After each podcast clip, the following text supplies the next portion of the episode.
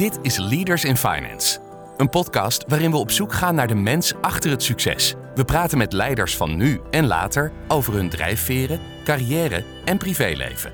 Waarom? Omdat er meer gesproken moet worden in de financiële sector. We willen de partners van deze podcast hartelijk bedanken voor hun steun. Dat zijn Interim Valley, EY, Otters Berndsen Executive Search en Roland Berger. Leaders in Finance met Jeroen Broekema. Welcome to an extra episode of Leaders in Finance, this time live from Money 2020 here in Amsterdam. And I'm delighted to speak to Jan Willem van der Schoot, the CEO of MasterCard the Netherlands. I interviewed Jan Willem before for a regular um, episode of Leaders in Finance. That was number 48. So, for the Dutch speakers among us, that will be interesting uh, to check out if you want to learn more about uh, Jan Willem. And um, welcome, Jan Willem, first of all. Thank you. And as listeners can hear, we're absolutely on the conference at We the are. conference, and you hear a lot of background noise, but that actually is uh, is, is pretty cool in my view. Um, so first of all, Jan Willem, how are you doing? I'm good. Yeah, my voice a bit sounds like it's day three of Money 2020. Um, but the past weeks have been full of so many physical client meetings, uh, events, uh, dinners, etc., etc. The world is coming back to normal, uh, and we're catching up um, very fast.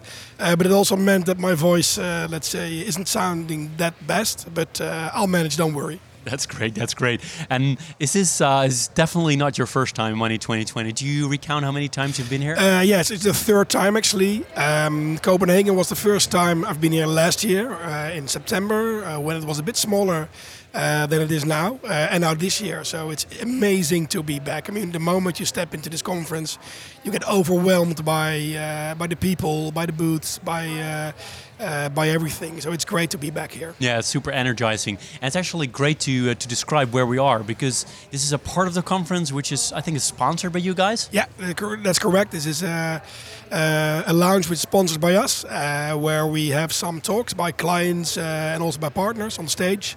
Um, we have a little bar and, of course, a few meeting rooms like these, uh, where we can meet clients or record podcasts, uh, like we're doing this morning. Yeah, exactly. And um, to Mastercard. So what are what are the big um, developments at the moment? I mean, there are a lot of big developments, I must say, both from a global and a local perspective. Um, I mean, you see us grow in our in our current business. Eh? Well, people know us from cards, uh, cards payments, and that's going really, really fast. We saw a huge growth uh, throughout the pandemic, especially online, and we also now see that the world is back traveling again. I mean, I've seen the numbers of the past uh, the past four or five months, um, and it's great to see that the world is back traveling. Uh, so that's one. We accommodate uh, that uh, in the right way. Um, the second thing, of course, uh, is um, we're expanding in networks. We are a card network, of course, but we're also a payments network, um, and we're also now an open banking network. Uh, so that's a huge expansion and a huge growth. Um, and the third one, um, more from a global perspective, is our growth into services. Um, now, I think roughly 35 to 40 percent of our revenue comes from services, um, and it ranges from consultancy services to cyber services to fraud services. We're really helping our partners, but also merchants and other stakeholders, uh, to make sure that they can do their business more effectively and efficiently. Um, and it's great to also be in that area. Um, and we have some of our acquisitions actually here today. Uh, as well, like Ekata, who are, are in identity management services, or Finicity and Aiia, who are in open banking. Um, and it's great to be with them here today uh, and meet partners and also clients and tell them what we're all doing. Right. And I uh, read about Click to Pay. Yeah, correct. So if you look at the um, developments we have as well in e-com, is that well, what you see currently, if you want to pay by card with um, uh, on on the website or within an app, uh, it can be rather challenging. I mean, when you're using Uber, for example, your card is on file. That's more easier. Uh, but when you're, for example, uh, at a web shop where you where you cannot have that option, uh, you have to cli type in 16 digits, a CVC expiry date. Um, and as, as we all know, there are better solutions out there and better user experiences. So with EMVCO, that's the global standard setting organization of our business, of the cards business, they also set the standards for, for example, the chip on the card. Uh, we've developed this click to pay um, standard, and it basically makes sure that you can pay online with a few clicks. You register once, and then with just a few clicks, you uh, you can check out. Um, and we're well, we're rolling it out now slowly globally. Also in the Netherlands, the first partners are implementing this, and we expect as of uh, well 2023, you'll see the first merchants and the first uh, banks who are going to support this, um, and this will really be the new global standard of uh, of paying with cards online at shops where you uh, don't come uh, that often, and for the shops where you do come very often, you still have the option to uh, put your debit card or credit card on file and make payments very easily. Right, right. It's actually a nice uh, bridge. You mentioned the word debit card, so debit Mastercard. Yeah. Is that related to this? That's yeah, partly related to this. So the Netherlands is actually one of the last countries that still uh, has uh, Maestro in the country. Um, so we got well, most banks in the Netherlands issuing Maestro cards. Um, but what you see, Maestro is a fantastic brand. It's 30, 30 years old. It's about the same year as the internet was uh, was founded, actually. Um, but the world progressed, um, and to be honest, the Mastercard brand is still a great way to pay in the Netherlands, pay in Europe. But if you want to pay online, if you want to pay outside of Europe, it's not the best brand anymore. And well, our clients acknowledge that, consumers acknowledge that, and uh, now it's the time that we're going to make that, that change from the Maestro card to the debit Mastercard card. And that card is basically, it looks like your debit card, which you have in your wallet today. It just has now the MasterCard logo on it, and it enables you to pay also outside of the Netherlands uh, and outside of Europe. So when you're in New York, you get your Starbucks contactless with your uh, debit card, but also for online payments. Um, in the many cases where you well where you want to pay with your card, but you cannot. Um, with your debit card, you, you now can with the new uh, this new debit card. And that's a really cool uh, development. As of uh, next year, uh, mid next year, you'll see the first banks uh, who will be issuing those uh, those cards. Uh, and in just a few years, everybody will have this uh, this card in their wallet, and they'll probably see the benefits instantly.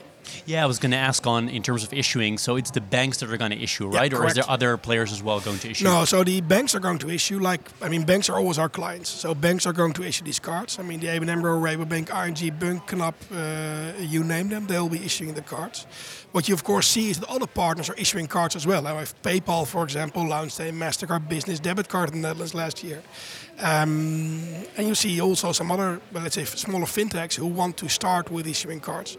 We help together with other partners to make sure that they can do this very rapidly, because there is a huge interest of making sure that your customer has a means of payment in their in their wallet. Right. Uh, before we're moving to uh, to talk a little bit about the conference Money 2020, uh, you mentioned a couple of big developments, uh, a couple of, of practical things you're going to implement next year. Um, are there other things I'm missing here? Important things to mention. Um, I mean, there's so many things which are which we're doing and we're working on uh, at this moment. Um, I mean, I said on the global level, we are. I mean, we're doing so many things in in, in such different areas, also including, for example, loyalty. A super important uh, way to differentiate yourself, both for merchants but also for banks. Uh, that's one. But also domestically, I mean, one of the things I really like to say to people, if they ask me, what are you actually doing at Mastercard? I mean, we're changing the way you well, you do your things. You you, you do your business. Um, you do your daily uh, you, you, you, your daily work. I mean, and, and one of the examples is, for example, public transportation. So at this moment, together with lots of stakeholders in the Netherlands, public transportation companies, with uh, um, with banks, uh, we are enabling the public transportation in the Netherlands for checking in and checking out with your debit card or your credit card, with, with your card.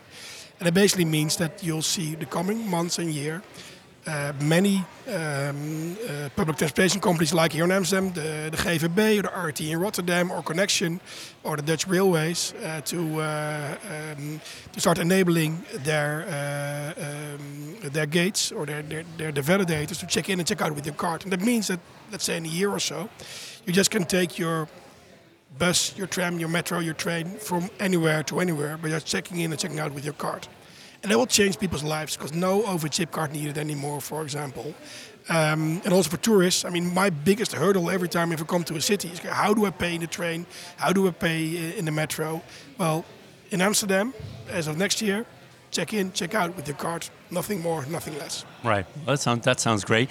Um, it's it's interesting to me. You mentioned all these things, right? Payments, cards, open banking, consulting, and, and what else? And um, you're a true fintech, right? Well, we are we are one of the first fintechs. I, I would say. I think we were founded in the in the 1960s, um, and we kind of consider ourselves as one of the first fintechs actually. Um, and well, I mean, many many companies were founded that day. So also many of the big banks, for example. I think what we've learned is, if you want to remain a fintech, you need to keep on innovating. You need to keep on partnering. I mean, we cannot do this alone. Now we work with uh, big techs, we work with merchants, we work with banks, uh, we work with well everybody uh, where we where we where we see a, uh, an added value and a reinforcing uh, a way of working together, and we need to continue to do that, and then you remain a fintech. Yeah, you very much sound like a spider in the web, and you're doing all these different, you know, enabling all these different players to come together and work together. Is it always clear for, for example, banks? What are all the things you have on offer for them? Um, it's becoming more and more challenging, I must say, because it's we do so much. But I think we have, I mean, we have a very good relationship with, with our banks, and I mean, luckily in the Netherlands, we only get, have a handful of banks who issue issue, and let's say a handful of uh, partners who uh, who are on the merchant side or acquire. Uh, so it, it's challenging, but through these kinds of conferences, through events, through just many meetings, uh, luckily now also phys- physically, we try to update them, listen to them. First of all, what are their challenges? What are they uh, uh, looking for? and then we try to combine it with our solutions. And yeah, and it, it works in the end. It, it's always takes uh, quite some time. Let's be uh, let's be honest, um, but that's necessary in our world. If you want to have, let's say, if you want to be the spider in the web, you have to make sure that every side of the web is uh, is on board, and then it works, and then it can scale very rapidly. Right. I promised to talk about the conference as well.